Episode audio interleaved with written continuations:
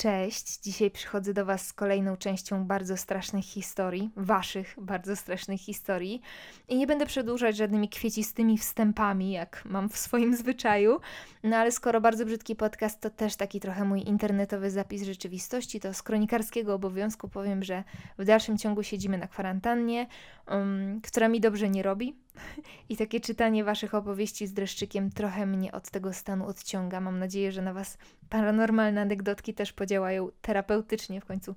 Przyjemniej bać się duchów niż realnego zagrożenia, prawda? Więc, tak jak już mówiłam, przedłużać nie będę. Przechodzimy do pierwszego maila, który nadesłała Agata. Zacznę od historii, która wydarzyła się jakieś 17, może 18 lat temu w wigilijny wieczór. Była to kolacja w dosyć małym gronie. Ktoś organizował kolację u siebie, ktoś inny z powodu pracy nie dotarł. Pamiętam, że dopiero co zdążyliśmy złożyć sobie życzenia i zasiedliśmy do stołu. Po chwili usłyszeliśmy pukanie do drzwi. W pierwszej chwili każdy pomyślał, że może komuś z nieobecnych jednak udało się dojechać. Mama poszła od razu do drzwi, ale nikogo za nimi nie zastała. Zawołała wujka. Razem wyszli przed dom, żeby sprawdzić, co się dzieje, kto to i przede wszystkim, gdzie jest. Nie było nikogo. Usiedliśmy ponownie do stołu. Dorośli zaczęli zastanawiać się, co to, skoro przecież nikogo nie było. Może jednak się przesłyszeliśmy? Ten sam dzień, kilka godzin wcześniej, siostra mojej babci razem z mężem przygotowywała kolację u siebie. Przed kolacją pojechali na cmentarz zapalić znicze i pomodlić się za bliskich. Kiedy wrócili, ciocia już za drzwi słyszała lejącą się wodę. Przestraszyła się, że w tym całym pośpiechu przygotowań zapomniała zakręcić wodę w kranie. Ponaglała wujka, żeby szybciej je otworzył, bo pewnie mieszkanie już zalane. W kuchni nic się nie lało. Pobiegła do łazienki, tam też w porządku. Po chwili odgłos ucichł. Nic się nie wydarzyło. Te dwie historie spina jedna wspólna klamra. Tamtego wieczoru, przed kolacją, na drugim końcu Polski do łazienki wszedł nasz bliski wujek. Niestety już z niej nie wyszedł zatruł się tlenkiem węgla, który ulatniał się z pieca. Ojejku, pomimo tego, że historia wydarzyła się w Twoim życiu już dawno, to, to bardzo mi przykro. Um, w ogóle ulatniający się gaz to chyba jedna z rzeczy, których zawsze będę się potwornie bała. Tego nie widać, prawie nie czuć. Um, a co roku taka nieszczelna instalacja, wydawać by się mogło coś tak prozaicznego, zbiera potworne żniwa. Um, jeszcze w temacie takich rodzinnych perypetii, to pomimo tego, że bardzo często z rodziną dzielą nas setki kilometrów, to wierzę w to, że jednak krew jakoś nas łączy i mamy jakąś taką wspólną, rodzinną świadomość. Bardzo to, bardzo to dziwne i przepiękne zarazem. No dobrze, czytam dalej. Od kolejnej historii upłynęło niewiele mniej czasu 15 lat. Był typowy listopadowy poranek wilgotny, mglisty, pochmurny. Naprzeciwko mojego rodzinnego domu po drugiej stronie drogi jest kilka niezabudowanych działek. Takie wolno rosnące sobie łąki. Moja mama wychodziła akurat do pracy, kiedy to ujrzała, że ktoś tamtędy idzie. Wyglądało na to, że idzie od strony naszego podwórka prosto przed siebie. Nieco ją to zdziwiło, że ktoś tamtędy idzie. Co prawda można tymi działkami przejść w inną część naszej wioski, ale po co, skoro prowadzą tam znacznie bardziej cywilizowane drogi? Mama na początku nie mogła poznać, kto to. Postać ta wyglądała na starszego mężczyznę, posturą, sposobem poruszania się kogoś jej przypominał. Obstawiała, że to może któryś z naszych starszych sąsiadów, ale nadal nie rozumiała sensu tej wędrówki. Męczyło ją to strasznie i nie była to zwykła ciekawość. Dopiero po kilku godzinach w pracy uświadomiła sobie, że ten mężczyzna wyglądał jak jej dziadek, który zmarł kilka lat przed moimi narodzinami. Tego samego dnia wieczorem zmarła moja prababcia. Od kilku tygodni była w szpitalu, lekarze kazali nam już szykować się na najgorsze. Czy tym mężczyzną, którego widziała mama, faktycznie był ktoś z sąsiadów? Czy może to jednak pradziadek przyszedł po swoją ukochaną żonę? Tego już się nie dowiemy. Ze śmiercią prababci wiąże się jeszcze jedna drobna historia. Na swoje 80. urodziny, które miała kilka miesięcy przed śmiercią, dostała od swoich dzieci piękny, duży zegar. Jak się później okazało, wskazówki zegara zatrzymały się na godzinie, w której prababcia zmarła. Od tamtej pory nikt już nie wymienił w nim baterii, nie nakręcił go. To był jej zegar i zatrzymał się razem z nią. Przypomniała mi się jeszcze jedna historia, najstarsza, więc od niej może powinnam zacząć. Działo się to, gdy miałam mniej więcej 6 lat. Miałam wtedy koleżankę z sąsiedztwa, z którą spędzałam większość czasu. Biegałyśmy między naszymi podwórkami, raz bawiłyśmy się u niej, raz u mnie. Weronika miała też wujka, mieszkającego obok, do którego lubiłyśmy zaglądać, bo zawsze dawał nam jakieś słodycze. I właśnie obok jego domu było takie opuszczone podwórko.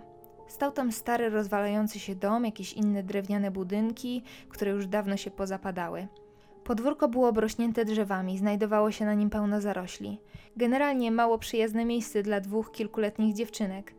Niestety pewnego dnia nasza ciekawość nas tam zaprowadziła. Na początku biegałyśmy, oglądałyśmy, wszystko było ok. Po jakimś czasie Weronika weszła na jakiś wyższy murek i za nie mówiła. Obok tego podwórka, ku lekkiemu wzniesieniu biegła droga, która zaraz za górką skręcała. Weronika stojąc na tym murku zobaczyła, że daleko na drodze, pod samą górką, ktoś idzie. Niby nic niepokojącego, normalna sprawa. Zawołała mnie jednak, żebym też to zobaczyła. Postać, którą widziałyśmy, była ubrana na czarno, w jakąś długą sukienkę lub płaszcz. Trudno było określić, w jakim kierunku zmierzała, od nas czy do nas. Właściwie same do końca nie wiedziałyśmy, czy w ogóle się porusza, czy nie. Z perspektywy czasu myślę, że może po prostu ktoś tam był, ale wtedy nasze dziecięce główki podpowiadały nam coś innego. W każdym razie już na to podwórko nie zaglądałyśmy. No, powiem Wam, że ta ostatnia historia robi na mnie duże wrażenie. Może dlatego, że sama mieszkałam w takim miejscu z całą masą różnych zakamarków, krzaków i zabudowań, do których robiliśmy sobie z dzieciakami z okolicy dorabiać różne historie. O nich mogłabym Wam kiedyś poopowiadać w sumie, ale jak zresztą zauważyła Agata, dziecięce główki lubią tworzyć sobie różne wizje, więc z perspektywy czasu to wszystko, co widziałam czy słyszałam, e, jako ta mała igusia, wydaje się trochę wyssane z palca, no ale może kiedyś. Kolejną historię nadesłała Karolina. Dziadek lubił wracać do czasów swojej młodości. Zwykle były to zabawne historie. Czasem dziadkowi przypominało się coś zabawnego, kiedy oglądaliśmy zdjęcia lub kiedy babcia o czymś wspominała ale miał kilka takich, które zawsze mroziły mi krew w żyłach. I to jedna z nich. Dziadek jako piętnastoletni chłopak dostał swój pierwszy rower, którym jeździł do sąsiednich wsi, do kolegów czy na zabawy. Wracał z nich późno, często nad ranem. Tak było i tym razem. Był okres wakacyjny, sierpniowa noc, podczas której dziadek wracał z sąsiedniej wsi do domu. Zaczynało powoli świtać, ale nie było jeszcze widno – Dziadek opuszczał już wieś, prowadził rower obok siebie, zbliżał się do obejścia kolejnego domu, kiedy usłyszał szelest w krzakach. Zatrzymał się i stojąc w miejscu rozejrzał się po obejściu. Wszystko wyglądało spokojnie. Zamknięta stodzoła, zamknięty, uśpiony dom. Dziadek ruszył powoli, trzymając kierownicę roweru tak mocno, aż zbielały mu knykcie. Wtedy zauważył, że z za obejścia z krzaków wychodzi czarna krowa. Nie byłoby w tym nic dziwnego, gdyby nie to, że na jej grzbiecie wisiało przewieszone ciało kobiety. Krowa przecięła dziadkowi drogę, wbiegła do rowu po drugiej stronie drogi i wbiegła w krzaki. Dziadek wsiadł na rower i zawrócił na zabawę, z której wracał. Był tam jego kolega z tej wsi. Dziadek opowiedział mu, co widział, i pojechali razem z powrotem przed dom. Kiedy do niego dotarli, koło stodoły biegali przerażeni ludzie, wołając o pomoc. Okazało się, że w stodole powiesiła się kobieta, a jej ciało znaleźli bliscy. Tak, ta sama kobieta, której ciało przewieszone na grzbiecie czarnej krowy widział dziadek. Nigdy nie był w stanie stwierdzić, co tak naprawdę widział i czego był to symbol. Sam opowiadając tę historię, zastanawiał się, nie wiem czy to jaki diabeł czy widmo, już później tam nie jeździłem. Oh my god, takie wiejskie, w najlepszym tego słowa znaczeniu, historie są dla mnie perfekto. Historie, historie babć i dziadków są, są jak takie mroczne baśnie i to jest z nich najcudowniejsze. Bardzo smakowita historia, dziękuję. Lecimy dalej. E, kolejna osoba postanowiła pozostać anonimowa. W mojej rodzinie od lat krążą historie o zjawiskach paranormalnych o spotkaniach ze zmarłymi bliskimi, o zaobserwowanych zjawach modlących się przed przydrożnym krzyżem. Jedna jest nawet o upiornym psie nawiedzającym wiejski pałacyk. Mnie samej nawet zdarzyło się doświadczać niepokojących spotkań, jednak historia poniżej ani nie przydarzyła się mnie, ani nie jest do końca paranormalna, jednak ma w sobie coś niepokojącego. A jest to historia o tym, jak to moja ciotka podpisała pakt z diabłem.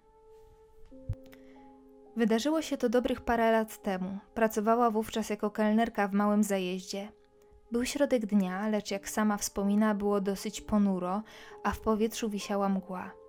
W barze nie było prawie nikogo, z obsługi były tylko dwie kelnerki, w tym ciocia oraz kucharz. W pewnym momencie do środka zajazdu wszedł elegancko ubrany mężczyzna. Miał na sobie czarny płaszcz, a na głowie równie czarny kapelusz. Bar był podzielony na dwie części. Główną salę wraz z bistro oraz mniejszą, mieszczącą około 4-5 stolików. Nowy przybysz, w przeciwieństwie do reszty klientów, udał się do mniejszej sali i tam zasiadł. Ciocia odczekała chwilę i podeszła do niego, aby przyjąć zamówienie. Mężczyzna nie zamówił z początku nic do jedzenia, a poprosił o szklankę wody, gdyż, jak to ujął, bardzo pali go w gardle. Po otrzymaniu szklanki wody zamówił jedynie zupę. W międzyczasie poprosił jeszcze o wodę i znów nie omieszkał wspomnieć o palącym go gardle. Jednak poza ciekawym doborem słów, moja ciocia zwróciła najbardziej uwagę na fakt, że przez cały czas mężczyzna nie zdjął swojego czarnego kapelusza. Po zjedzonym posiłku zapytał o rachunek, i tu znowu niespotykana sprawa, ponieważ poprosił, by został on podpisany przez moją ciocię. Nie przez żadnego menedżera czy szefa zajazdu, przez nią, kelnerkę. Trochę była oczywiście zdziwiona, ale zrobiła jak nalegał. Mężczyzna zapłacił, po czym udał się do wyjścia. Zaintrygowana przez jego dziwną aurę ciocia, postanowiła odprowadzić go wzrokiem. Ciekawa dokąd się uda. O dziwo po wyjściu przez szklane drzwi z zajazdu nie skierował się ani na prawo, gdzie był parking, ani w lewo, w stronę jezdni, lecz ruszył przed siebie, gdzie mieściło się szczere pole. A przynajmniej tak się zdawało, że tam się skierował, gdyż jak ciocia przyznaje, tuż po wyjściu dosłownie rozpłynął się we mgle. Choć początkowo nie zastanawiała się nad całą sytuacją, to jednak żartobliwy komentarz koleżanki, że tajemniczy gość pod kapeluszem skrywał rogi i że podpisała z nim nieświadomie pakt, rzucił jej zupełnie inne światło na tamtego klienta. Albo, oczywiście jest to tylko i wyłącznie moja teoria, ktoś próbował twoją ciocię poderwać oczywiście w najdziwniejszy na świecie sposób, czy próbował skraść jej serce sam diabeł, czy bardzo ekscentryczny klient, tego się nie dowiemy. Nie zmienia to jednak faktu, że uwielbiam, uwielbiam, uwielbiam, uwielbiam tę historię. Dziękuję Ci za nią. I już ostatni, a trochę szkoda, bo czyta mi się dzisiaj wspaniale, mail od Maxa. Często w wieku nastoletnim kładłam się spać bardzo późno, właściwie w środku nocy. Jednej nocy leżałam już w łóżku, starając się zasnąć, gdy za oknem usłyszałam niepokojący dźwięk. Tu muszę wspomnieć, że mieszkam na parterze w bliźniaku, a mój pokój i okno są po stronie pogrążonego w ciemności ogrodu. I nagle z absolutnej ciszy wyrwał mnie dźwięk przypominający stąpanie i ciągnięcie. Trudno to opisać, ale brzmiało jakby ktoś robił krok jedną nogą, a zaraz po tym ciągnął coś bardzo ciężkiego. Przypominało to chód osoby z absolutnym bezwładem w jednej nodze lub wielki wysiłek wkładany w ciągnięcie po ziemi czegoś w stylu worka. Nie miałam wystarczająco odwagi, by wyjrzeć za okno, a nawet gdybym to zrobiła, prawdopodobnie w tej ciemności nic bym nie dostrzegła. Cokolwiek to było, nie potrafię wyjaśnić, kto i co robił w środku nocy, przechodząc obok naszego ogrodu w tak specyficzny sposób. Drugą sytuacją jest paraliż senny. Zdarzyło się to tylko raz, ale to w zupełności wystarczy mi na całe życie. Szczerze, nie życzę tego nawet najgorszym wrogom, bo strach i lęk temu towarzyszący jest nie do opisania. Leżałam w łóżku, zwrócona twarzą w stronę otwartych drzwi do mojego pokoju. Nie mogłam się poruszyć. Byłam całkowicie sparaliżowana i zdekoncentrowana, a w drzwiach mojego pokoju pojawiła się czarna, zacieniona postać. Miała kształt podobny do człowieka w kapturze, szczupłego i nieludzko wysokiego, jednak był rozmyty, jakby stworzony z czarnej mgły. Czułam, że to jest coś złego, ale nie ma na celu mnie skrzywdzić. Miałam wrażenie, że coś ode mnie chce, ma względem mnie jakieś zamiary. Zbliżało się bardzo powoli w stronę mojego łóżka, nie poruszając się w żaden sposób. Z każdym centymetrem odczuwałam coraz większe przerażenie. W głowie miałam pustkę, ale nagle pojawiła się jedna myśl, na której skupiłam całą uwagę. Musiałam poruszyć małym palcem. Nie wiem skąd wiedziałam, że mam to zrobić. Nie było to podyktowane historiami, które słyszałam o paraliżu sennym. Nie wiedziałam też w tamtym momencie, co to ma na celu. Bez żadnej refleksji skupiłam całą swoją uwagę na tej jednej, zdawałoby się banalnej czynności. I udało się. Gdy tylko mój mały palec drgnął, odzyskałam pełną świadomość i władzę nad ciałem. Postać zniknęła i wszystko wróciło do normy. Mimo to nie potrafiłam się pozbierać jeszcze przez dłuższy czas. Włączyłam bajki na telewizorze, by trochę się odstresować i zająć czymś myśli. Wiem, że można to wyjaśnić mózgiem, który jeszcze nie do końca wybudził się ze snu i stworzył taką projekcję. To nie zmienia jednak faktu, że tej nocy nie zasnęłam, póki nie zaczęło świtać za oknem. Te historie związane z paraliżem sennym pojawiają się w mojej skrzynce bardzo często, bo jest to zjawisko dosyć popularne i w pewnym sensie można nazwać je paranormalnym, choć nie do końca. I zawsze robią na mnie olbrzymie wrażenie, bo ja zawsze w takich momentach zaklinam cały wszechświat, żeby nigdy, przenigdy nic takiego mi się nie przytrafiło i póki co nic takiego bezpośrednio w mojej głowie się nie wydarzyło. Ale wiem, że są osoby, e, którym przytrafia się dosyć, dosyć często, na przykład mojemu Marcinowi, surprise, surprise. E, I mam wrażenie w ogóle, że ja to bardziej przeżywam niż on. Wyobraźcie sobie, wyobraźcie sobie, że sobie śpicie i nagle ze snu wyrywa was dźwięk przyspiesz przyspieszonego oddechu y, waszego partnera, partnerki. Otwieracie oczy i dostrzegacie zaraz przed wami twarz waszego chłopaka albo dziewczyny, który, która patrzy na was z takim przerażeniem w oczach, ma otwarte usta, jakby wołała pomocy, i słyszycie tylko ten przyspieszony oddech. I to jest masakra, to jest najgorszy widok, jaki można zobaczyć po otwarciu oczu. Ja się w ogóle śmieję, że, że jestem takim strażnikiem snów Marcina, bo ja mam bardzo płytki sen, byle co mnie jest w stanie wybudzić, więc zawsze jak jemu się coś takiego przytrafia, to ja go wtedy budzę, chociaż słyszałam, że się nie powinno budzić z paraliżu sennego osoby, ale come on. Mm, I na przykład słyszę wtedy, ojej, wydawało mi się, że ktoś wciąga mnie za łóżko, po czym on idzie dalej spać, nie? Koleś w ogóle jest niewzruszony, idzie dalej spać, no ale tak leżę sobie wydygana do białego rana czasami. Oh, mieszkaj z chłopakiem, mówili, będzie fajnie, mówili, no dobra. Nie przedłużam. E, ja uciekam. Mam nadzieję, że odcinek się Wam spodobał. Mi bardzo. No i co? Do usłyszenia. Całujemy. Cześć.